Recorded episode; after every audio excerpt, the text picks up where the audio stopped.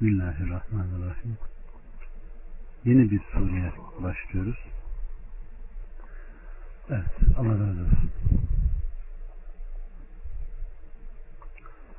Maide suresi İmam Ahmet'in naklettiği bir rivayette Esma annemiz Maide suresinin bütününü nazil olduğunda ben Aleyhisselatü Vesselam'ın Adba isimli dişi devesini yularına tutmuştum. Vahyin ağırlığından devenin ayakları birbirine çarpıyordu demiştir. Yine gelen bir rivayette hadiste kardeşlerim bana Amr'ın anası, anası o da halasından nakletti ki o aleyhissalatü vesselam ile beraber bir yolculuktaymış. Bu sırada Maide suresi nazil olmuş ve binitin boynu surenin ağırlığından titremeye başlamış. Evet. Bunu İmam Ahmet Tirmizi sahih bir senetle nakletmiştir. Yine Cübeyr'den Ayşe annemizin yanına gittim. Ayşe annemiz bana dedi ki ey Cübeyr Maide suresini okuyor musun? Ben evet dedim. Ayşe annemiz o son nazil olan suredir. Onda gördüğünüz helalları helal sayın, haramları da haram sayın. Evet. Bir ve iki. Ey iman edenler! Akitleri yerine getirin.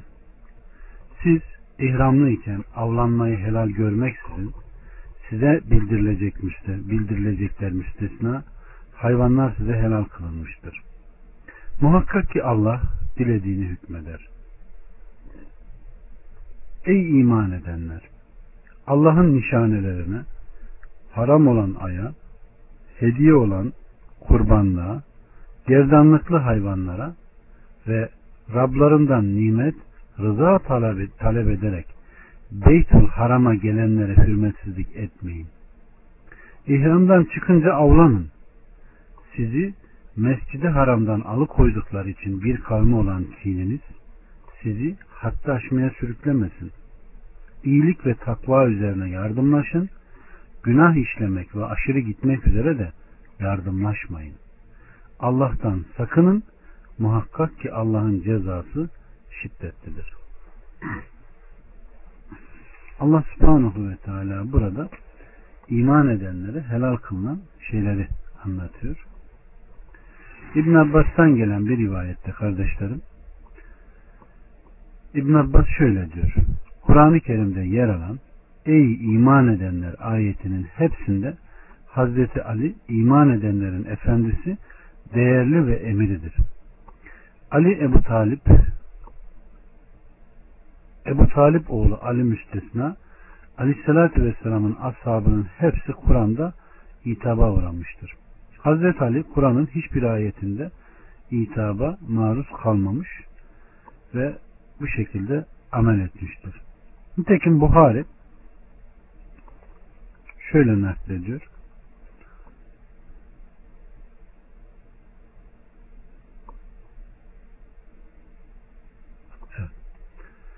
Ee, Muhammed İbni Müslüm'ün rivayetinde ben Aleyhisselatü Vesselam'ın Amr İbni Hazım'ı Necdan'a elçi olarak gönderdiğine gönderdiği ve ona yazdığı mektubu okudum. Mektup Amr İbni Hazım'ın oğlu Ebu Bekir'in yanındaydı. Burada şöyle buyuruluyordu. Bu Allah ve Resulünden açıklamadır. Ey iman edenler akitleri yerine getirin. Ve bu ayet doğrusu Allah hesabı çabuk görendir Maide 4 kısmına kadar yazılmıştı. Akitleri yerine getirin. İbn Abbas'tan gelen rivayette buradaki akitlerden maksat ahitlerdir demiştir. Allah'ın helal ve haram kıldığı şeyler Hazreti Peygamber'e ve kitaba iman etmeyi kabul eden kişilerden almış olduğu Allah'ın helal ve haramlarda farzlarını yerine getirmelere dair sözlerdir. Zeyd İbni Eslem akitlerin altı tane olduğunu söyler. Bunlar Allah'ın akdi, yemin akdi, ortaklık akdi, alışveriş akdi nikah akdi ve hılf akdidir demiştir. Aleyhissalatü Vesselam Efendimiz iki kişi alışveriş yaptıklarında meclisten ayrılmadıkları sürece muhayyerdirler demiştir. Bu hadis satış sözleşmesini takip eden mecliste muhayyerliğin varlığı için bir delildir. Ancak bu aktin lüzumsuzluğunu getirmez. Aksine akit dini bakımdan alışverişin gereklerindendir ve akde uymak akdi yerine getirmenin şartlarındandır. Hayvanlar size helal kılınmıştır. Ayet-i kerimesi ise burada deve, sığır ve koyun olarak zikredilmiştir. Ve size bildirilecekler müstesna olmak üzere ayeti kerimesi ise buradan kasıt ölü, kan, domuz etidir. Doğrusunu Allah bilir. Siz ihramlı iken avlanmayı helal görmezsiniz. Evet. Buradaki maksat hayvanlardan deve, koyun, sığır gibi evcil hayvanlarla ceylan, yaban eşeği gibi vahşi hayvanlardır. Evcil hayvanlardan yukarıda sayılanlar istisna edilmiş. Vahşi hayvanlardan da ihramlı iken avlanmaları yasaklananlar müstesna kılınmıştır. Muhakkak ki Allah dilediğini hükmeder. Buhari'de gelen bir rivayette kardeşlerim Aleyhisselatü Vesselam Efendimiz veda haccında zaman Allah'ın gökleri ve yeri yarattığı günde olduğu şekle yeniden dönüp geldi. Yıl 12 aydır. Haram olan haram ayın haram olan 4 ayın üçü birbiri ardına gelir. Bunlar Zülkade, Zilhicce, Muharrem aylarıdır. Bir de Şaban ile Cumadeül Ahir arasında bulunan Mudar Recep'tir. Mudar Recep'i Mudar kabilesinin savaşı yasakladığı ay olması sebebiyle Recep'e bu isim verilmiştir. Bu hadis-i şerif gösteriyor ki haram ayların haramlılığı ahir zamana kadar devam edip gitmektedir. Kitapta biraz siliklik var da okuyamadım.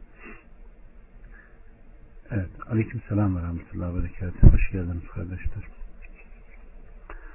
Haram olan aya da kavlinden maksat bu ayada savaşmayı helal kılmayın demektir. Hediye olarak kurbanlara gerdanlığı, gerdanlıklı, gerdanlıkları olan hayvanlara yani Allah'ın evine hediye olarak kurbanlığı götürmekten vazgeçmeyin. Çünkü bunlar da Allah'ın nişanelerine saygı mevzu bahistir. Bu hayvanların boynuna öteki hayvanlardan ayırt etmek üzere ve Kabe'ye armağan olarak götürülmek istendiği bilinip ona kötülükle yaklaşmak isteyenlerin kaçınmasını sağlama ve ayrıca bu şekilde Allah'ın evine hediye gönderecekleri örnek olmak üzere hayvanların boynuna gerdanlık takmaktan da vazgeçmeyin. Çünkü Kabe'ye hediye olarak kurban götürmeye davet eden kimseye tabi olanların ecri kadar mükafat vardır. Ayrıca kendilerinin mükafatından da hiçbir şey eksik olmaz. Bunun için kardeşlerim aleyhissalatü vesselam hac ettiği zaman Zulhuleyfe'de geceledi. Sabah olunca sayıları dokuzu bulan eşlerini ziyaret etti. Sonra yıkanıp güzel kokular süründü ve iki rekat namaz kıldı. Sonra kurbanını göstererek ona gerdanlık yaptı. Halka hac ve ümre haberini verdi.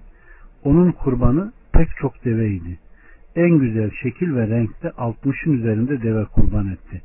Nitekim Rabbimiz Subhanahu ve Teala bu böyledir. Kim Allah'ın nişanelerine hürmet edense bu kalplerin takvasındandır buyurmuştur. Şimdi gerdanlıklı hayvanlar ayetinden maksat kardeşlerim onu helal saymayın demektir. Çünkü cahiliyet ehli haram ayların dışında yurtlarından çıktıkları zaman kendilerine yün ve kıldan gerdanlık yaparlardı. Mekkeli müşrikler de haremi şerifin ağacının kabuğundan gerdanlık yaparlar ve böylece kendilerini emniyette hissederlerdi. Evet. Ayşe annemiz diyor ki ben kurbanlıkların diyor boynuna kendi elimle gerdanlık taktım ve onları kınaladım diyor. Bu onların kurbanlık olduğunun işaretiydi diyor. Allah rahmet etsin. Anam da böyle kurbanlığı aldığımızda böyle kına yakar, hayvana sürer, boynuna falan böyle güzel çiçekler yapar, bağlardı. Ben de çocukken kendi kendime gülerdim bu kadın ne yapıyor diye. Meğer demek ki bildiği e, ne bileyim bir şeyler biliyormuş ki yapıyormuş. Adet olarak da gelse dinden daha hala güzelliklerini koruyan bir şeyler var. Ama maalesef o nesilde gitti. Aynen annem o kadar güzel severek böyle sanki ondan bir insanla konuşur gibi konuşur. Bir şeyler bağlar, süsler, kınalardı ki bir şeyler etrafında dolanır dururduk yani.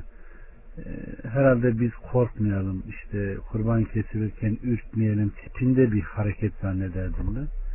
Meğer dinden. Allah rahmet etsin. Allah kabrini bol etsin. Azabı varsa dindirsin kabrini cennet bahçelerinden bir bahçe eylesin. Anamın da Üç, ölü, kan, domuz eti, Allah'tan başkası adına boğazlananlar, boğularak, vurularak, yuvarlanarak veya süsülerek ölen, yırtıcı hayvan tarafından parçalananlar, canları çıkmadan evvel kestiğiniz müstesna, dikili taşlar üzerine kesilenler ve fal oklarıyla kısmet aramanız size haram kılınmıştır. Bunlar fasıklıktır. Bugün küfredenler sizi dininizden etmekten ümitlerini kesmişlerdir. Öyleyse onlardan korkmayın da benden korkun. Bugün dininizi kemale erdirdim. Üzerinize olan nimetimi tamamladım. Ve size din olarak İslamiyet'i beğendim. Her kim ki açlıktan darda kalırsa günaha kaymaksızın bunlardan yemeye mecbur olursa muhakkak ki Allah gafurdur, rahimdir. Rabbimiz Subhanahu ve Teala kullarına burada saydıkları şeylerin ve benzerlerinin yenmesini yasaklayan bir haber bildirmekte. Ölü hayvanın avlanmadan ve boğazlanmadan anında ölmesidir. Ölü etinin yasaklanması ise haram kılınanların ölüsü değil. Helal kılınıp da buradakilerden şu şu şu şu şu olursa deyip Allah subhanahu ve teala bunları ne yapmış? Yasaklamıştır. Çünkü akmamış olan kan dine ve bedene zarar verir. Bu sebeple Allah subhanahu ve teala bunu haram kılmış. Bunun istisnası sadece balıktır. Balık ister kesilsin, ister kesilmeden ölsün, yenmesi helaldir. Çünkü sahabenin bir tanesi, Allah ondan razı olsun, ey Allah'ın Resulü, biz ticaret için uzak yerlere gidiyoruz ve gemiye biniyoruz. Suyumuz yani yanımıza almış olduğumuz suyumuz kısa bir müddet sonra bitiyor. Abdest alırken biz ondan alsak bu sefer daha çok ihtiyaç içinde kalacağız. Denizin suyuyla abdest alabilir miyiz diye bir soru soruyor. Allah onlardan razı olsun. Allah Resulü Aleyhisselatü Vesselam denizin ölüsü helal, suyu temizdir demiştir. Veyahut denizin suyu temiz, ölüsü helaldir diyerek ve hatta çekirgenin ölüsü de size helal kılındı demiştir. Evet. Yine İbn Abbas'tan gelen rivayette kardeşlerim dalaktan sorulduğunda onu yiyin demiş. Soran bu kandır, kan bize haram değil mi dendiğinde size ancak akıtılan kan haram kılınmıştır diye karşılık vermiştir. Aleyhissalatü vesselam Efendimiz yine sizin için iki ölü ve iki kan helal kılınmıştır. Ölüler balık ve çekirge, kanlar ise ciğer ve dalaktır buyurmuştur. Bu hadis-i şerifi Ahmet, İbn-i Mace, Darekutni, Beyhaki sahih bir senetle rivayet etmiştir. Evet. Bu da gösteriyor ki Allah subhanahu ve teala haram ve helal sınırlarını koyduğu gibi onun izniyle de aleyhissalatü vesselam Efendimiz ne yapmıştır? Bazı şeyleri helal ve haram kılmış ve Allah da bunu ona yetkili kılmıştır. Peygamber aleyhisselamın helal ve haram kılma yetkisini kabul etmeyenler dalak yiyorlarsa, ciğer yiyorlarsa kusmalarını tavsiye ederim. Bazı taifelerde balık yemiyor. Hatta nerede görmüştüm? E, Şia mezhebinde e, balıklarda balığı besmele ile kesmedikçe yiyemezsin. Onlar da ölü haram olduğu için e, bunu Fransızlar çok güzel çözmüşler. Zannedersem onlardan mıydı? Zannedersem onlardan. E, besmele ile kesilmiştir diye konservelerinin üzerinde balık konserveleri var. Bildiğim kadarıyla öyle kardeş. Bakarım ben gene. Bildiğim kadarıyla öyle. Gene de yanlışımız varsa düzeltiriz. Ha. Cabir bin Abdullah'tan gelen rivayette Aleyhisselatü Vesselam bize Kur'an'dan bir sureyi öğrettiği gibi istihareyi de öğretip buyurdular ki sizden herhangi birisi zor bir işle karşılaşınca farz namazları dışında iki rekat namaz kılsın. Sonra desin ki Allah'ım senin bilginle senden hayır öğrenmek istiyorum. Senin ölçünle ölçü edinmek istiyorum. Ve senin ulu lütfundan istiyorum. Senin gücün yeter, benim gücüm yetmez. Sen bilirsin, ben bilmem. Sen görünmezleri en iyi bilensin. Allah'ım eğer şu benim dinim, hayatım ve akıbetim için veya suresiz veya sureli işim dünya ve ahiret için dedi. Hayırlı olduğunu biliyorsan onu benim için takdir et ve bana onu yapmayı kolaylaştırır. Ve onu benim için kutlu kıl. Allah'ım eğer bu işin benim dinim ve hayatım ve akıbetim için kötü olduğunu biliyorsan ben ondan vazgeçir, onu da benden uzaklaştır ve benim için hayır takdir et. Sonra beni bunda hoşnut eyle diyordu. Evet. Bunu Tirmizi sahih bir şekilde nakletmiştir. Bugün küfredenler sizi dininizden etmekten ümitlerini kesmiştir. Bu konuda Ali İbni Ebu Talha'dan Abdullah İbni Abbas'tan gelen nakilde sizi tekrar kendi dinlerine döndürmekten ümitlerini kesmişlerdir demektir. Buhar Buhar'ın sahihinde gelen bir rivayette ise orada aleyhissalatü vesselam Efendimiz şöyle buyuruyor. Doğrusu şeytan Arap Yarımadası'nda namaz kılanların kendisine ibadet etmesinden ümidi kesmiştir. Ancak onların aralarını bozmakta bunu yapabilir. Demek ki onlar Müslümanlara benzemekten ümitlerini kesmişler. Çünkü Müslümanlar müşriklerle ve şirk ile ilgili her türlü niteliklere aykırı davranarak onlardan ayrılmış. Bunun için Allahu Allahu Teala mümin kullarına sabretmelerini ve kafirlere muhalefette ısrar etmelerini emretmekte ve Allah'tan başkasından korkmamalarını buyurmaktadır. Öyleyse onlardan korkmayın da benden korkun. Onlara muhalif davrandığınız için kendinizden korkmayın, benden korkun.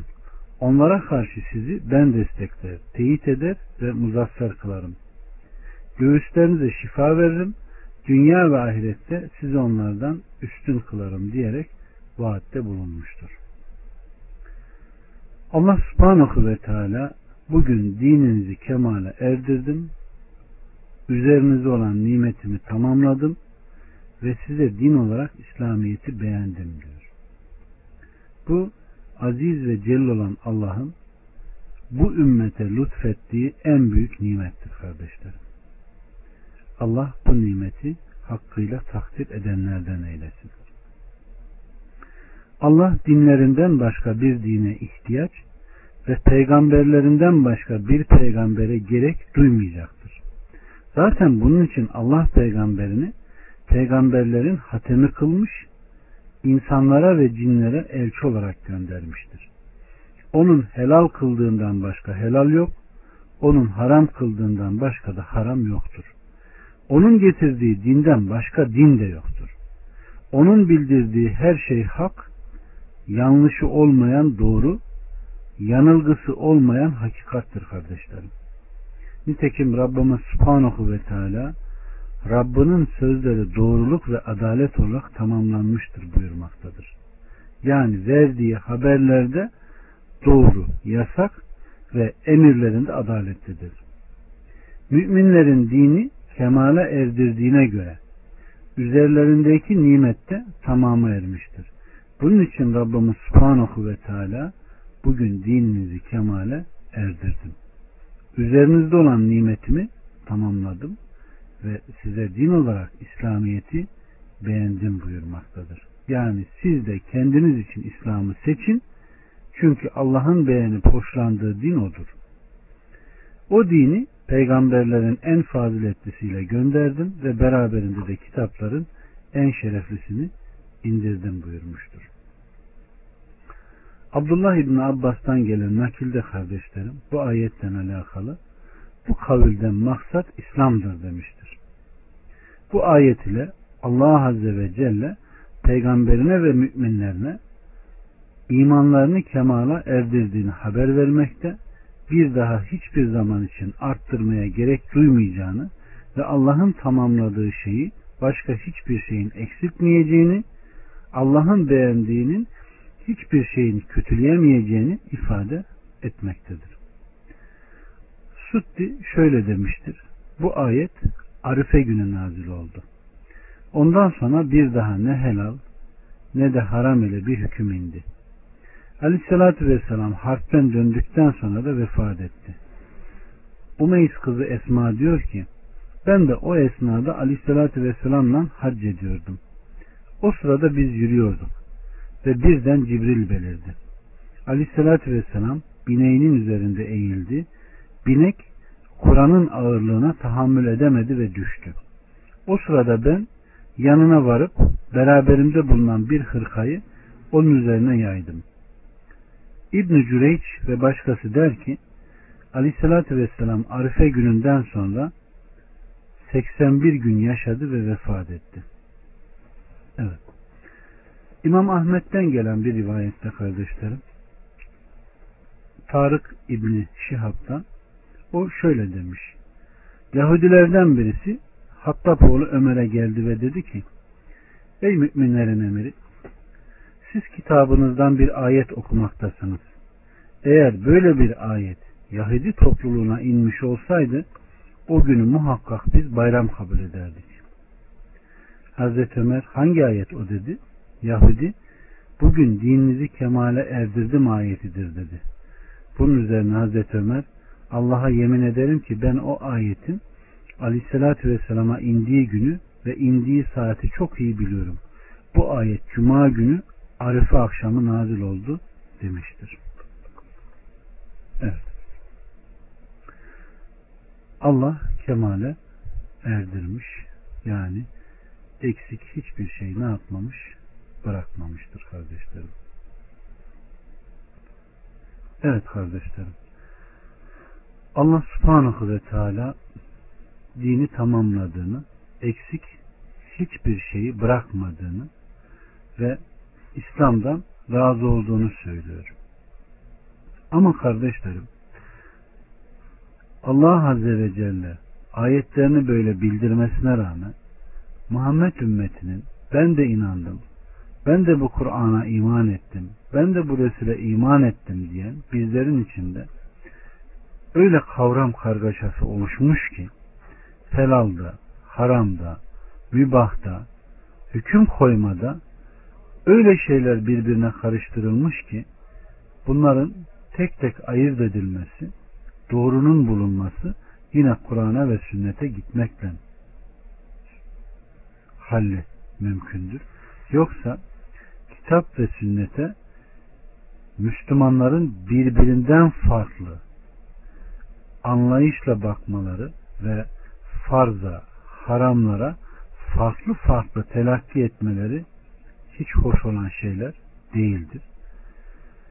Ee, Birçok meseleye baktığımızda işte bu şunun iştihatı veya bu bunun iştihatı diyerek helal ve haramda o kadar farklılıklar gündeme geliyor ki ve her ne kadar da söze geldiğinde Nas'ın varlığında iştihata gerek yoktur diye bir kayde ulema tarafından konsa da bu hiç kimse tarafından uygulanmayan, hayata geçirilmeyen meseleler haline gelmiş. Bu yüzden ben bu noktada Allah Azze ve Celle'nin hasseden Resulüne umumen de bize bildirmiş olduğu dört tane ayeti burada zikretme ve onun üzerinde biraz durmak istiyorum. Bu meseleye binaen. Bakın Rabbimiz Subhanahu ve Teala Ey Resul sana Rabbinden indirilene uy diyor. Enam 106'da.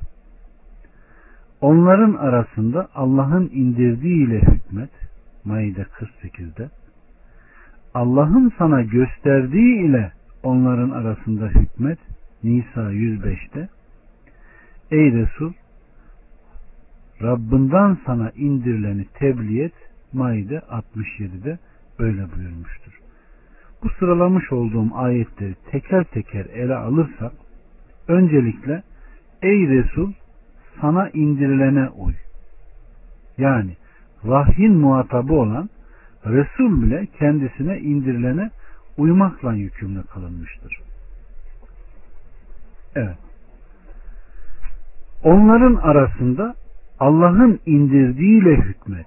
Yani Resul olarak gönderdiğin insanların arasında Allah'ın indirdiğiyle hükmet diyor. Yine Allah'ın sana gösterdiğiyle onların arasında hükmet. Yani Resul olarak benim sana öğrettiğim şekilde hükmet diyor.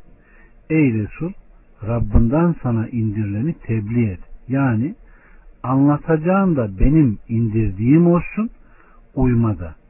İnsanlar arasında hüküm vermede, insanlara tebliğ etmede.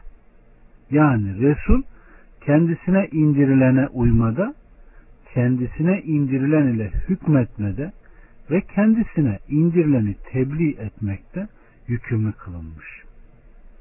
Eğer Resul kendisine indirilene uymakla, kendisine indirilenle hükmetmekle, kendisine indirileni tebliğ etmekle yükümlü kılındıysa, herhalde ondan gayrı yani biz, umum ümmet, bundan başka bir şeyle başka bir şeye uymayla veya başka bir şeyle hükmetmeye veya başka bir şeyi tebliğ etmemiz mümkün değildir.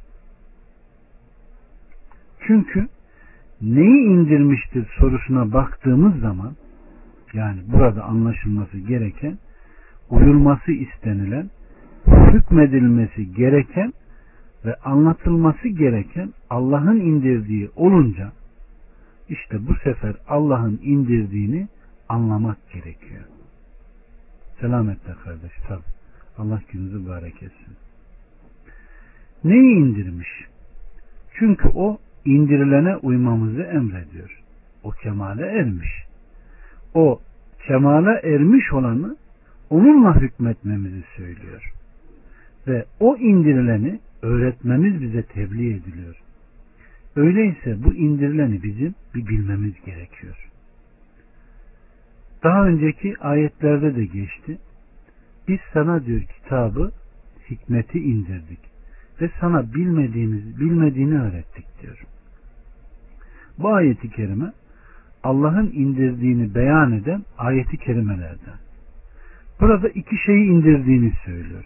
Kitap ve hikmet. Sana indirilene uy derken indirdiğini kitap ve hikmet olarak zikrediyor. Burada kitap her ne kadar cins bir isim olarak gelse de kardeşlerim bunda hiç kimse ihtilafa gitmemiş bu Kur'an'dır. Hikmet ise ehli sünnetin umuman bundaki sözü sünnet olduğudur.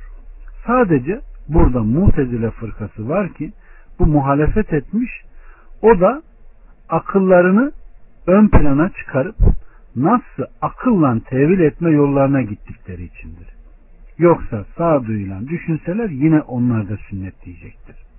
Şimdi indirilenin Allah'ın kitabı Kur'an ve peygamberin sünneti olduğunu gösterdiğine göre sana indirilene uy, indirilenle hükmet, sana gösterilenle hükmet, sana indirileni tebliğ et derken kasıt indirilen kitap ve Resuluna indirilen sünnettir. Buradaki indirilen kitap ve hikmet olması uyulması gereken şeyin iki olduğunu gösterir. Allah'ın kitabı Kur'an, Allah'ın Resulü Aleyhisselatü Vesselam'ın sünneti. Bunun haricinde uyulması, hükmüne tabi, tabi olunması gereken, tebliğ edilmesi gereken bu iki şeyden başka bir şey yoktur. Ve bunun ziyadeliği de, eksikliği de dinden ziyadelik ve dinden eksiklik olarak kabul edilir. Ve edille-i şeriye dediğimiz dinde helal ve haram ibadete kaynak olması gereken esas da bu ikidir.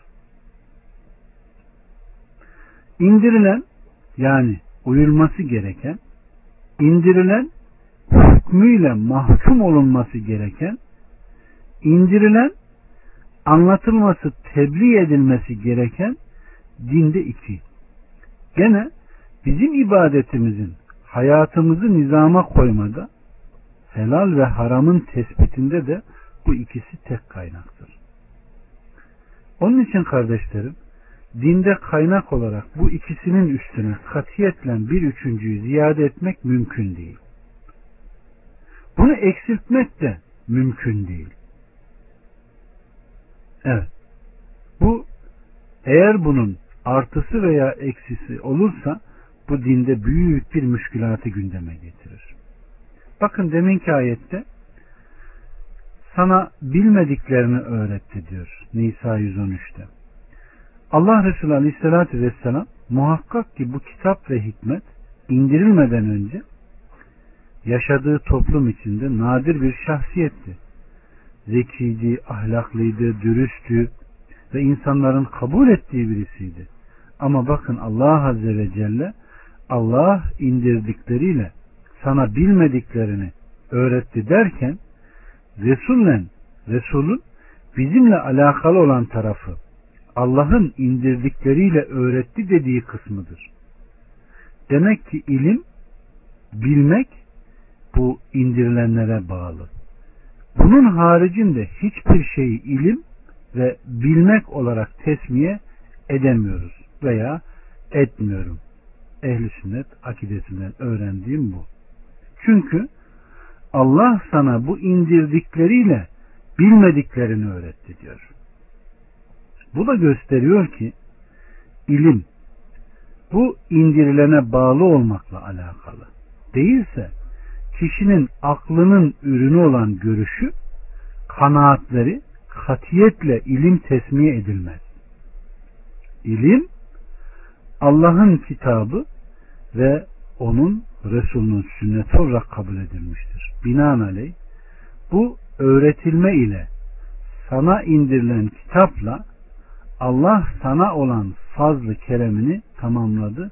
Allah'ın fazlı keremi çok büyüktür diyor. Şimdi indirilen olarak bizim tespitimiz bu.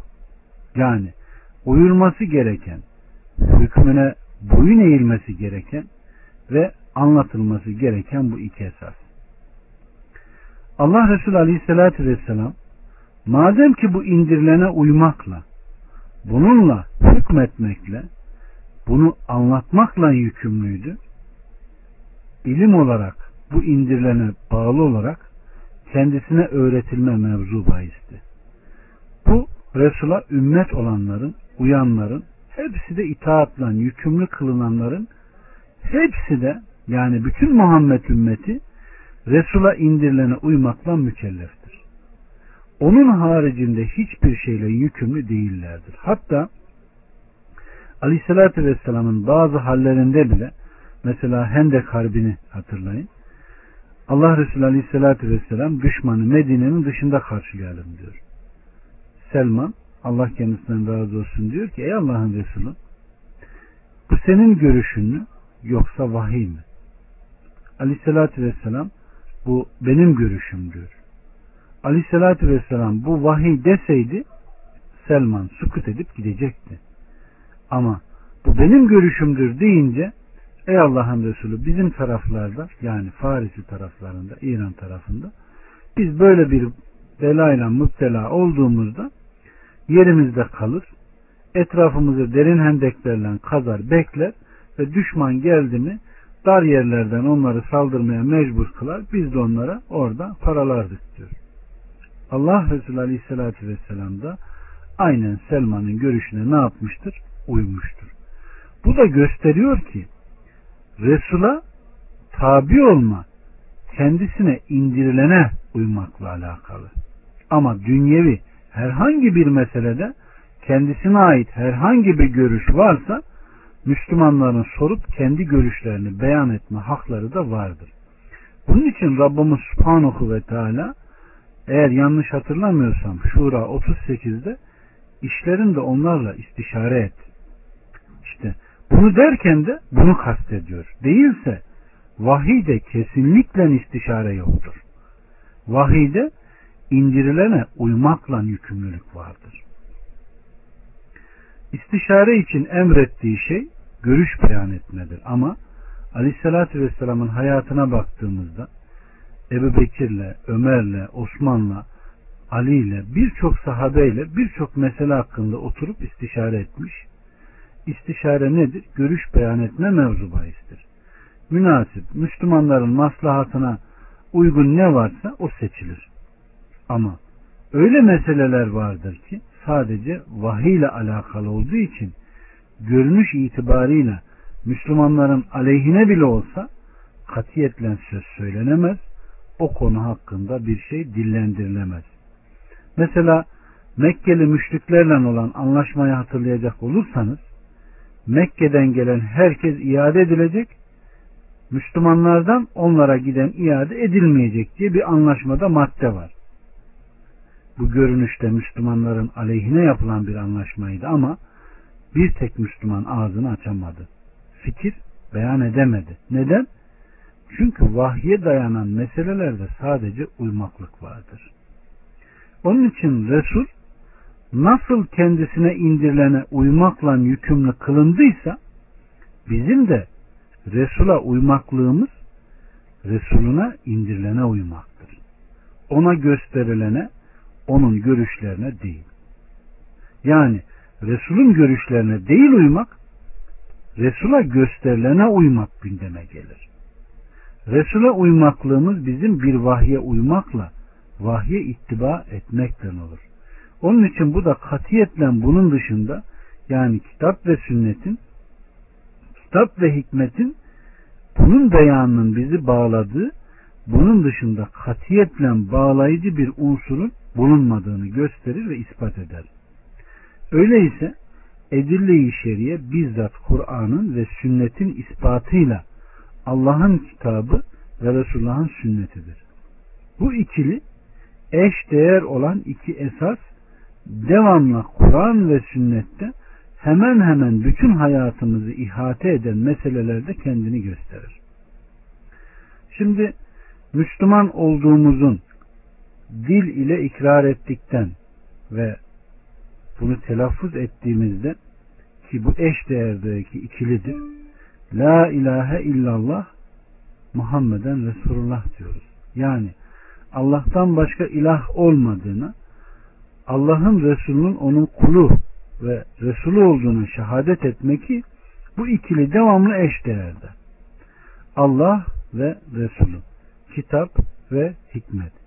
Bunun dışında katiyetle bir üçüncüyü gündeme getirmek mümkün değildir. Edille-i şeriyeden kabul etmek de mümkün değil. Ama şimdi din neyi noksan bırakmış? Ne noksan kalmış ki açıklanmayan? sağlıklı görüş sahibi olmayan, devamlı hata imkanı olan, insan görünüş görü, e, görüşüne, kanaatine uyalım da, ihtiyaç duyalım da, onun görüşü ve kanaatiyle dinde helal haram tespiti yapalım. Veyahut şu farzdır, şu sünnettir, şu vaciptir tespiti yapalım. Dinde kaynak kabul edelim. Onunla Allah'a kulluk vazifesini eda edelim. Böyle bir şey mümkün mü? Eğer böyle bir kanaat hangi kelimelerle ifade edilmeye çalışılırsa çalışsın bu dindeki bir ziyadeliği ve noksanlığı yani Allah Azze ve Celle'nin ve onun Resulünün fazladan bir şey söylediğini veyahut Allah ve Resulünün dinde anlatmadıkları, noksan bıraktıkları, unuttukları ve bunu da bir başkasının tamamladığı bir şey olarak kabul edelim.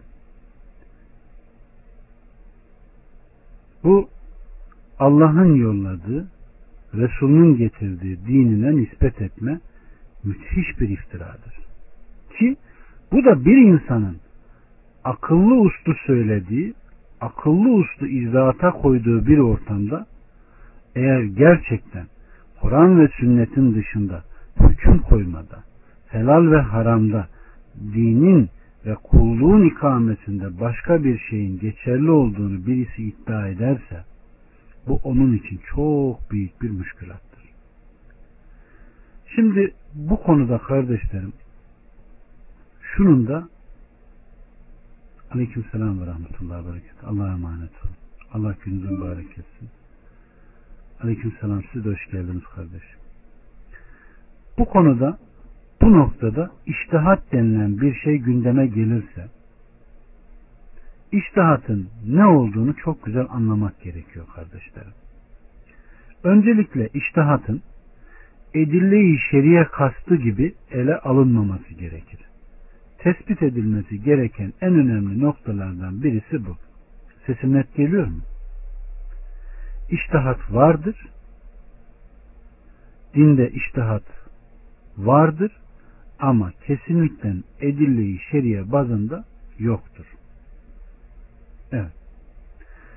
İştihat nedir? İştihat çaba, gayret, emek sarf ederek dini öğrenmede, dinin tahsilinde sarf edilen gayretin adıdır.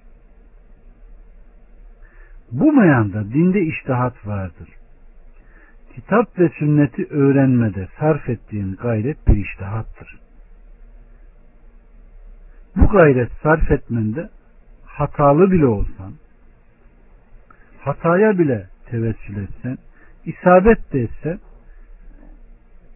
yine sana hayır vardır. Ama bu edilli şeriye değildir. Bu senin gayretindir.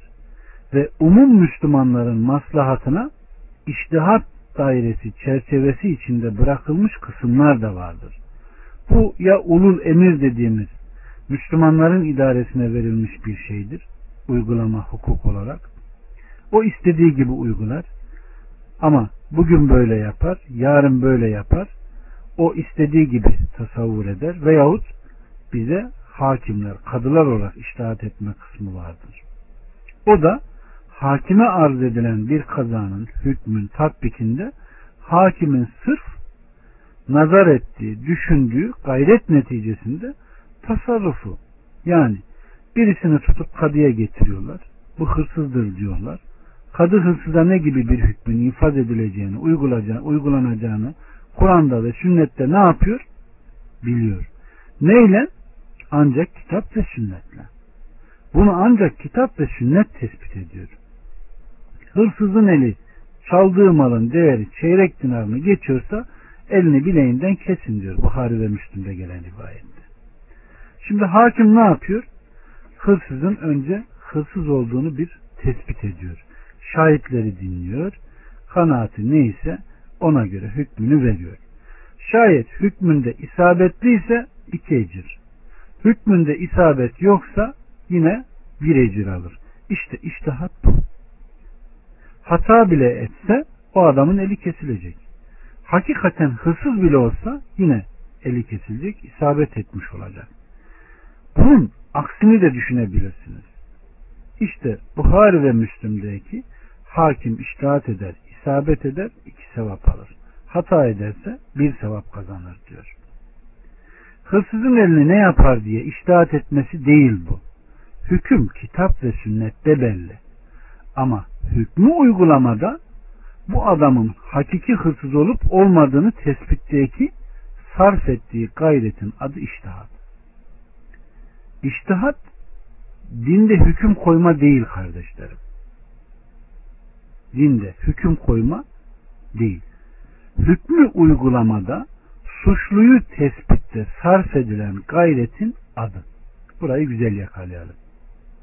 Aynen serde verilen, verilen selahiyette olduğu gibi. Yağmurlu, bulutlu bir havada kıblenin tayinini sarf ettiğin bir gayretten buluyorsun. Bu nedir? İştihattır. Hakikaten kıbleye doğru da dönüp namaz kılabilirsin. Tam zıttına dönüp namaz da kılabilirsin. Bu sizi alakadar eder. Bu bir nevi iştihatın cinsine girer. Burada anlamamız gereken şu. İştihat katiyetle edille-i şeriyeden değil. Edille-i şeriye iki. Resul'a uyulması emredilen, onunla hükmedilmesi emredilen, anlatılması, tebliğ etmesi gerektiği şey kitap ve hikmettir. Bizim de uymamızı istenilen o ikidir. Bunun yanına bir üçüncüyü ekleme mümkün değildir kardeşlerim. Evet. İştiyattan, iştihattan maksat, murat budur. Kitap ve sünnetten ne eksik bırakıldı ki? İnsanlar buna iştihatlarıyla tamamlasınlar, o eksiği yamasınlar. Bu dini noksan kabul etmedir. Din her şeyle tamamlanmış derken her şey anlatılmış manasında değil ama bu her şey anlatmıştır. Yani bizi cennete götüren, cehennemden uzaklaştırana her şey anlatılmıştır. Bunun dışında ne varsa kitap ve sünnete ters düşmeme kaydıyla istediğin gibi hareket edebilirsin. Din eğer helal ve haram koymak ise ki bu ayette de dikkat ederseniz haramları zikrederek Allah Azze ve Celle ben dini tamamladım, kemale erdirdim diyor. Din eğer helal ve haram kılmak ise eşyada asıl olan helalliliktir. Ta ki onu yasaklayan bir delil gelmediği müddetçe. Bir şeye yasak diyebilmen için, yasaklayabilmen için onun hakkında nas getirmen gerekir. İbadetse telfikidir. Naslan sabit olur bu. Evet. Şimdi bir misal verelim. Mesela şu toplumda birileri organ nakli yapana kafir der. Bir kısmı da caizdir der. Evet. Organ nakli ne haram demen için bir delil değil mi? Organ naklini haram demen için senin Kur'an'dan ve sünnetten delil getirmen gerekir. Bulamazsan ne olur? Ayağın kayar. Sarih bir delil getirmen gerekiyor. Kafana göre hareket edemezsin. İbadetlerde de her şey yasak. Ta ki emredilenlerin dışında. Organ nakli hakkında nas gelmemesine hasep ibahadır, caizdir. Düşünün, kan nakli yaparken insanlar hiç tereddüt etmez, helal mı haram mı düşünmez ki o da bir organdır. Başka bir organa gelince ya helal mı haram mı demeye başlar. Niye? Kanda demiyorsun da niye öbürlerinde diyor?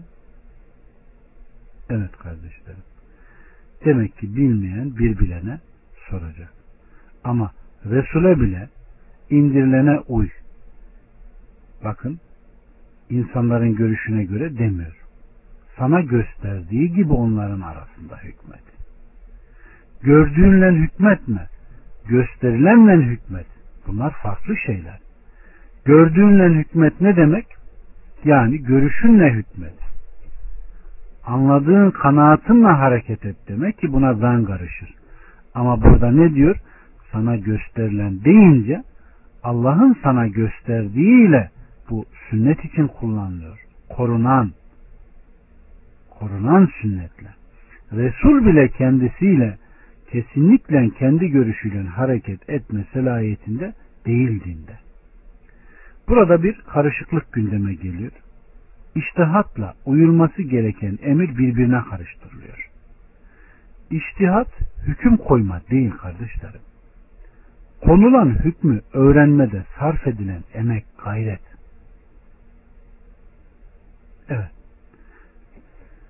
Mesela indirilene uymakla alakalı bir misal verecek olursak Tahrim suresinin başlarının inmesine sebep bir olay oluyor. Aleyhissalatü Vesselam'ın hanımları Ayşe ve Hafsa annemiz kıskançlık sebebiyle hanımlarından birisinin getirdiği balı falan çiçek gibi kokuyor. Falan baldan mı yedin, falan baldan mı içtin diye her ikisi de Aleyhisselatü Vesselam'ın yanında bunu deyince Aleyhisselatü Vesselam ben bir daha bunu içmeyeceğim, ben bunu bir daha yemeyeceğim demesi var. Allah subhanahu ve teala ey peygamber Allah'ın sana helal kıldığı şeyi kendine niçin haram kılıyorsun? Bununla eşlerini hoşnut mu etmek istiyorsun diyor. Demek ki eşyada asıl olan şey ibaha yani helallılık. Ta ki onu haram kılan bir delil olmadığı müddetçe. Çünkü vahye bağlılık din olduğunu gösterir. Ama rey katiyen dinle alakalı değildir. Mesela Allah Resulü Aleyhisselatü Vesselam Efendimizin hurma aşılama meselesinde bu adamlar ne yapıyor diye soruyor. Yanındakiler hurma ağacının çiçeğinden öz alıp öbürüne aşılıyorlar. Yani dönlüyorlar. Aleyhissalatü vesselam ben bunda bir yarar görmüyorum diyor. Bu sözü duyanlar da haram kıldı diyerek bırakıyorlar. Daha sonra kendisine zekata geldiklerinde Allah Resulü Aleyhisselatü Vesselam siz neden e, zekata geldiniz? Siz hurmaların en iyisi sizde olmaz mıydı deyince onlar senin elçin bize geldi böyle böyle dedi. Biz de haram oldu diye bıraktık. Öyle mi? Siz dünyalık işleri benden daha iyi bilirsiniz. Ben size dininiz konusunda bir şey emredersem buna uyun, vahide istişare etmek yoktur diyor. Yani ben de sizin gibi bir beşerim. Zan da şüphesiz kah isabet eder, kah isabet etmez. Lakin ben Allah şöyle buyurdu diyerek size bir şey söylersem Allah adına yanılmam. Evet kardeşlerim yapmak istediğiniz bir şey dünyalık işinden olursa onunla ilgili ilgili bilginiz esas.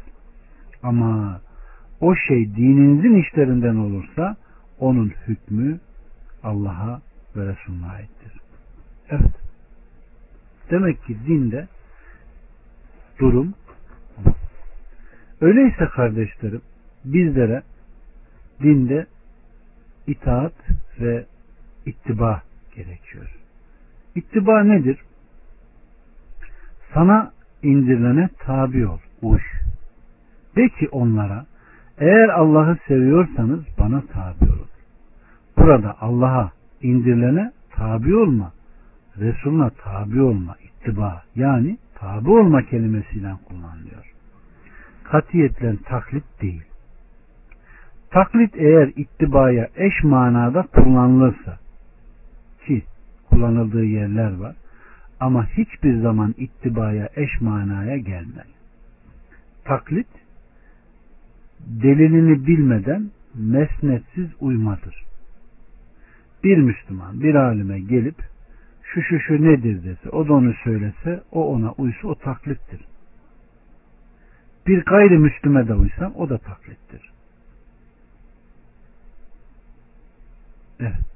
Müslüman alim kendi görüşünü hüküm olarak ortaya koyarsa, atarsa bu hükmün kafir olan birisinin koyduğu hükümden hiçbir farkı yoktur. Neden? İkisi de kişi kanaati ve kişi görüşü olur. İttibadan murat maksat indirilene uymadır. Katiyetle ittiba vesilenin bu bir peygamber de olabilir, bir alim de olabilir, görüş ve kanaati ve körü körüne uyma değil, indirilene uymadır. Allah Resuluna indirilene ittiba et derken Allah'ı sevenler bana ittiba olsun, tabi olsun derken maksat indirilene tabi olmak demektir. Resul nedir burada? Vasıtadır. Resulün sadece bir vesileliği vardır burada. İlim ehline uyma, ittiba, bilmeyenin bilene sorması ameliyesi içerisinde indirilenden sana haber verdiğine uymadır. Değilse o delilini sormadan, söylemeden, sen delilini sormadan, öğrenmeden onun görüş ve kanaatine uyman ittiba değildir. İşte bunun adı taklittir ve bu taklit dinde haramdır. Evet kardeşler. Demek ki ayeti uzatmayalım. Kemale ermiş, hiçbir şey eksik bırakılmamış bu dinde Allah subhanahu ve teala da bize indirilene uyma, indirilenden hükmetme ve indirileni anlatmayı hepimize nasip etsin. Allah subhanahu ve teala ayaklarımızı kaydırmasın.